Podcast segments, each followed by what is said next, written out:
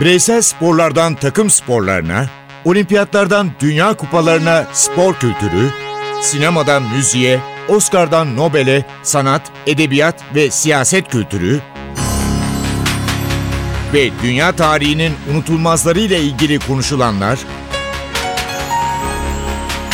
olayların perde arkası, yorumlar, sorular ve yanıtlar.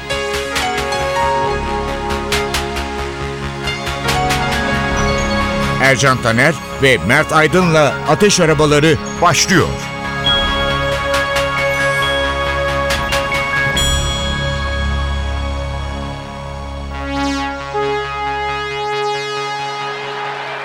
Ümit. Orta Ümit'ten. İlan, İlan!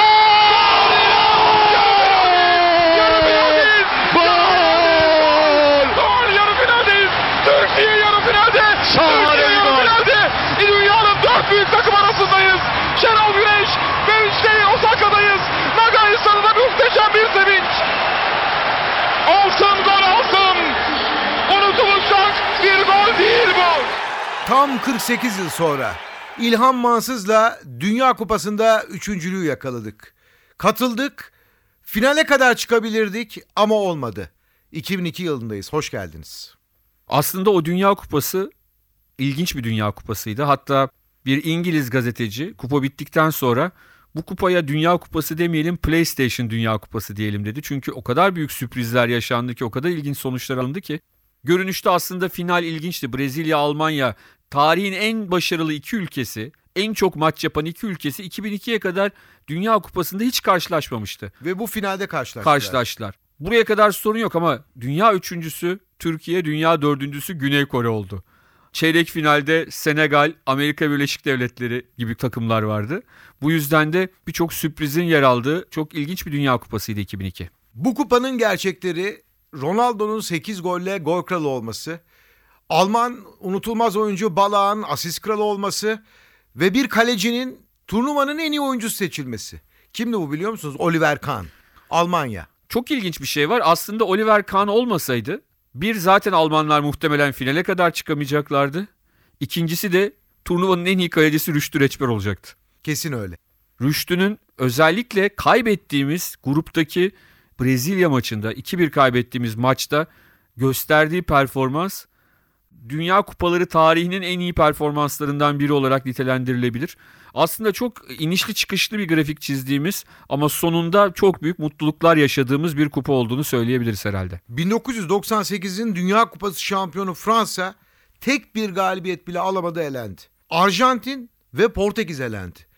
Az önce söyledin ya garip bir kupaydı. Evet ve şunu söyleyelim Fransa milli takımı gol atamadan elendi. Yani bırakın galibiyet alamayı beraberlik alamamayı gol atamadılar. Ve de açılış maçında Senegal'e kaybederek başlamışlardı turnuvaya. Zidane sakattı ilk maçta oynamamıştı. Sonra Zidane'ın dönüşü de kurtaramadı ve 2002 Dünya Kupası Fransa için büyük hayal kırıklığı oldu. Keza Portekiz Amerika yenilgisiyle paramparça oldu ve o gruptan çıkamadı.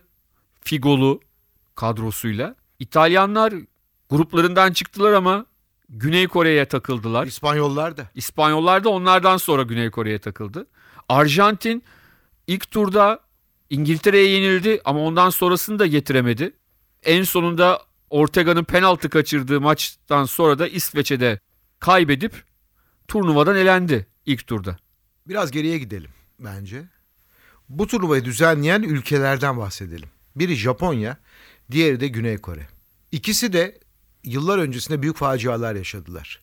Bu konuyu geçtiğimiz hafta pazar günü senle konuştuk telefonda. Bu konuyu bir işleyelim dedik. Mutlaka unutanlar, belki de hiç bilmeyenler var. Enola Gay. Bu isim size neyi hatırlatıyor? Fazla düşünmeyin ben hemen söyleyeceğim. Enola Gay bir Amerikan bombardıman uçağına verilen isim. 6 Ağustos 1945'te Enola Gay ilk atom bombasını Hiroşima'ya attı. Üç gün sonra ise Nagasaki vardı. Yaptığım araştırmalarda haritada ufak bir hata oldu. Esas hedefin Kyoto olduğu yazılıyor birçok kaynakta. Kyoto'dakiler ucuz kurtulmuşlar. Yani çünkü şöyle diyelim atom bombası şu demek değil. Attılar işte orada bir sürü insan öldü değil. Gelecek kuşakları da etkileyen bir şey atom bombası. Radyasyon çünkü yayılıyor. Amerika Birleşik Devletleri bu iki şehre atom bombası atılacağı konusunda önce broşürler atıyor. Tabi halk anlamıyor atom bombası nedir. Broşürler geliyor. Ama Hiroşima'ya atılan bomba tam bir facia. Bir anda 140 bin kişi hayatını kaybediyor. Ya sonrası Mert? Sonrası facia. Yani o etkiler daha sonra doğan çocukları da onların çocuklarını da düşünürsek Japonya bu iki atom bombasının ardından teslim bayrağını çekiyor. Tarihte biraz gizli kalmış. Olayları buldum. Japonlar 3 saat anlamıyorlar. Ne bombası bu diye. Tam 3 saat anlamıyorlar. Çünkü şehir bir anda yok oluyor. Evet. Bombanın adı Küçük Çocuk. Ama Nagasaki'ye atılan bomba adı Şişman. Şişman adam da deniyor. Zaten bu bomba, Nagasaki'ye atılan bomba Japonya'nın imparatorun teslim olmasına yol açıyor. Ve 1945'te Japonya teslim olduğunda büyük bir sıkıntı içinde. Çünkü bir, iki tane büyük şehri darmadağın olmuş.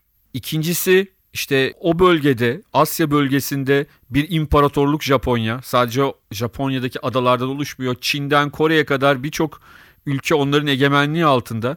Bu egemenliklerini kaybediyorlar. Ekonomik olarak tamamen dibe vuruyorlar. Sosyal açıdan tamamen dibe vuruyorlar. Ancak birkaç yıl içinde tabii ki 2002'de Dünya Kupası'nı organize etmeleri çok önemli ama ondan çok daha önce 1945'ten sonra birkaç yıl içinde toparlanan ve kendi külleri üzerinde yepyeni bir ülke yaratan Japonlar var. Japonların bir tepkisi var. Filmlerde izliyoruz Godzilla. Godzilla'yı Japonlar meydana getiriyor değerli dinleyiciler. Buradaki amaç ne biliyor musunuz? Hiroşima ve Nagasaki saldırılarının ardından meydana gelen genetik bozulmalar sonucunun protestasıyla Japonlar Godzilla adlı canavarı meydana Evet. getiriyorlar ve biz de filmlerini izliyoruz. Bu Godzilla bir protestodur. Doğru. Doğru.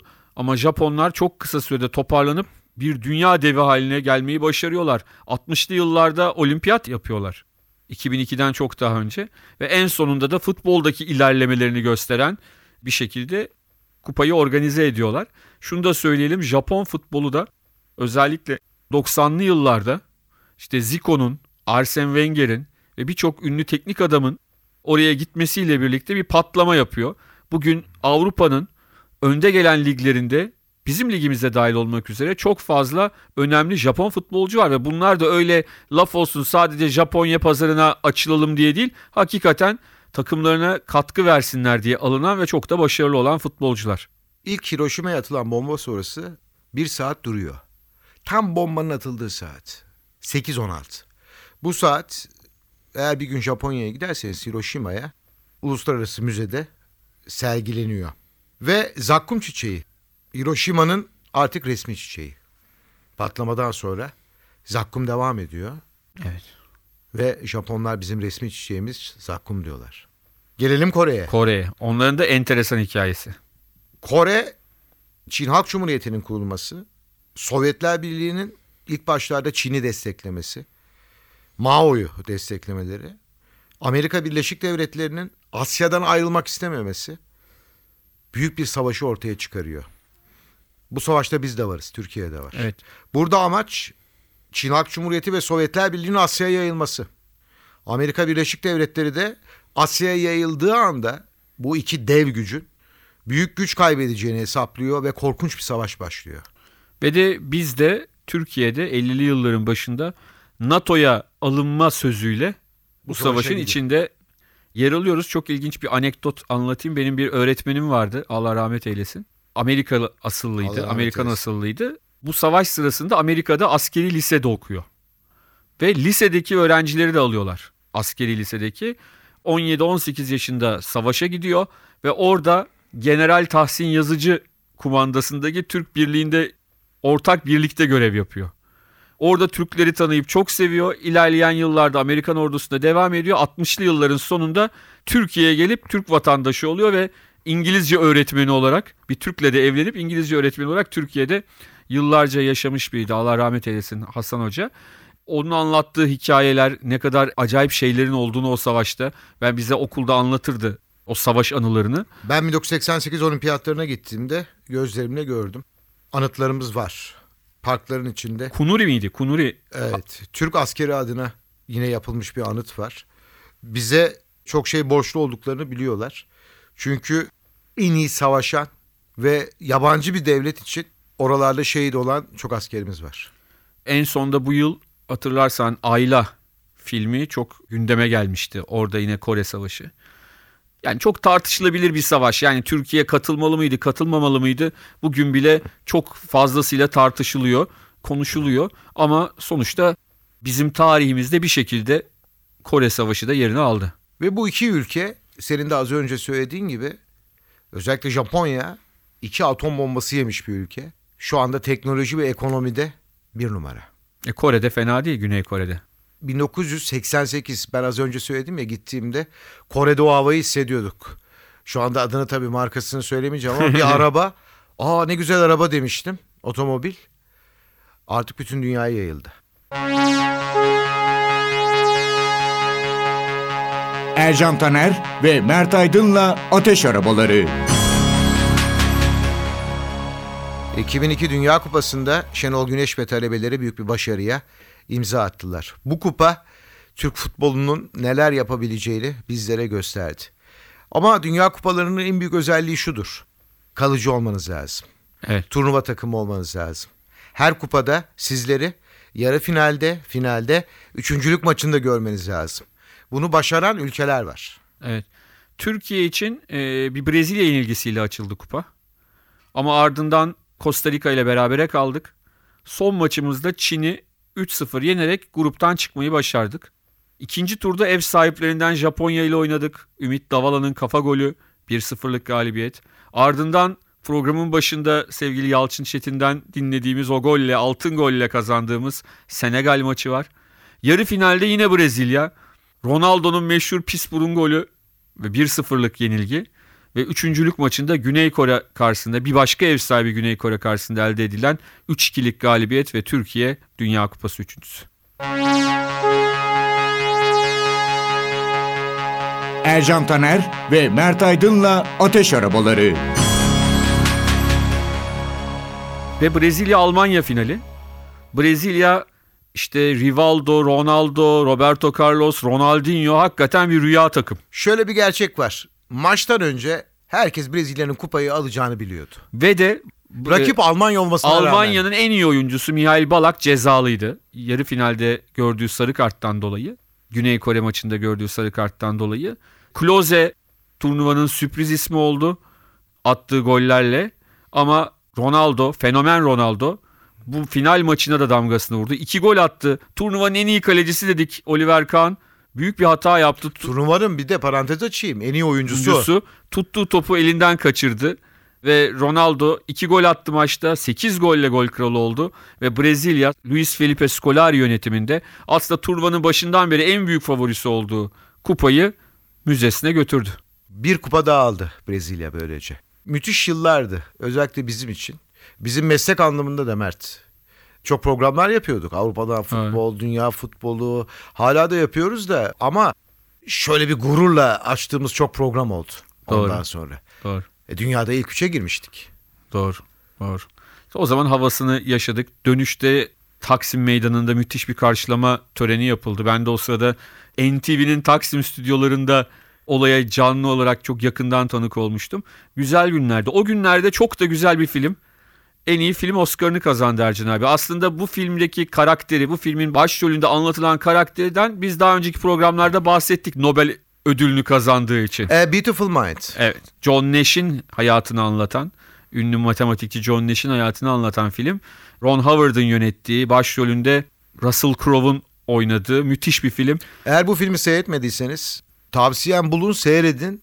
Russell Crowe muhteşem ve Doktor Nash'in hayali arkadaşlarıyla Evet. Doktor Nash'le birlikte sizlerle tanışabilirsiniz. evet. Russell Crowe belki film Oscar kazandı. Ron Howard Oscar kazandı ama Russell Crowe en iyi erkek oyuncu ödülünü alamadı. En iyi erkek oyuncu ödülünü Denzel Washington Training Day ilk gün filmiyle elde etti. Orada biraz haksızlık vardı. Hala Evet. da onu söylerim. Evet. Training Day. Yani Russell Crowe'a o ödülün verilmemesi daha önce aldığı Oscar'a dayanarak mı acaba diye de düşünmekteyim. Ne dersin? Doğrudur. En iyi kadın oyuncu ödülü Halle Berry'e gitti. O da hakikaten çok enteresan bir filmdi. Oynadığı film. En iyi yardımcı kadın oyuncu ödülü A Beautiful Mind filmine gitti. Orada John Nash'in eşini oynayan Jennifer Connelly e, en iyi yardımcı kadın oyuncu ödülünü aldı. Iris filmiyle de ünlü İngiliz oyuncu Jim Broadbent en iyi yardımcı erkek oyuncu Oscar'ını aldı. Ercan Taner ve Mert Aydın'la Ateş Arabaları. 2002 yılındayız. Nobel Barış ve Edebiyat Ödülleri. Artık programda da sona geliyoruz. Evet, Barış Ödülü Amerika eski başkanı Jimmy Carter'a verildi. Onun Jimmy Carter fıstıkçıdır. Yani Evet, biliyorsun. meşhur. Fıstık ticareti yapar. evet. Fazla da siyasetin içinde kalamadı. Ama dünyada çeşitli işte Filistin olsun, diğer konular olsun onların çözümü için yaptığı arabuluculuklar nedeniyle 2002'de kendisine Nobel ödülü verildi. Edebiyat ödülü ise bir Macar yazara İmre Kerteş'e verildi Nobel'de ve 2002 böyle geçti diyebiliriz Ercan abi. Bakalım 2006 yılı Dünya Kupası'nda bize neleri söyleyecek, neleri gösterecek. Ben Ercan Taner. Ben Mert Aydın. Hepinize mutluluklar diliyoruz. Hoşçakalın. Hoşçakalın. Ercan Taner ve Mert Aydın'la Ateş Arabaları.